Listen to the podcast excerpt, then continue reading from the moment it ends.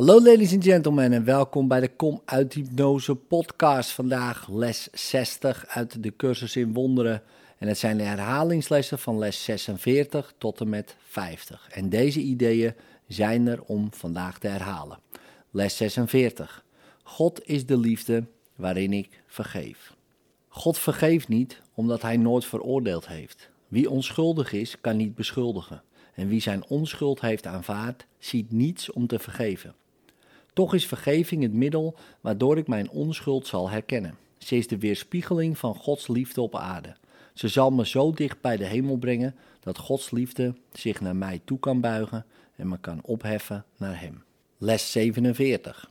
God is de kracht waarop ik vertrouw. Het is niet mijn eigen kracht waarmee ik vergeef. Het is de kracht van God in mij, welke ik me herinner wanneer ik vergeef. Wanneer ik ga zien, herken ik Zijn weerspiegeling op aarde. Ik vergeef alles omdat ik Zijn kracht in mij voel ontwaken. En ik begin me de liefde te herinneren die ik verkoos te vergeten, maar die mij niet vergeten heeft. Les 48. Er valt niets te vrezen. Hoe veilig zal de wereld er voor mij uitzien wanneer ik haar kan zien? Ze zal in niets lijken op wat ik me inbeeld nu te zien.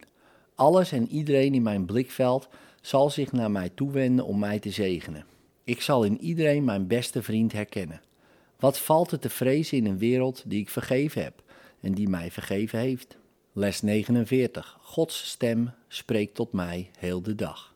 Er is geen moment waarop Gods stem ophoudt een beroep te doen op mijn vergevingsgezindheid om mij te verlossen. Er is geen moment waarop Zijn stem niet mijn gedachten leidt, mijn handelingen richt, mijn voeten stuurt. Ik ga gestaag de waarheid tegemoet. Nergens anders kan ik heen, want Gods stem is de enige stem en de enige gids die Zijn zoon gegeven is. Les 50. Ik word gedragen door de liefde van God. Wanneer ik luister naar Gods stem, word ik door Zijn liefde gedragen. Wanneer ik mijn ogen open, verlicht Zijn liefde de wereld zodat ik kan zien. Wanneer ik vergeef, herinnert Zijn liefde mij eraan dat Zijn zoon zonderloos is. En wanneer ik de wereld bezie met de visie die Hij me heeft gegeven, herinner ik mij, ik ben Zijn zoon. In liefde, tot morgen.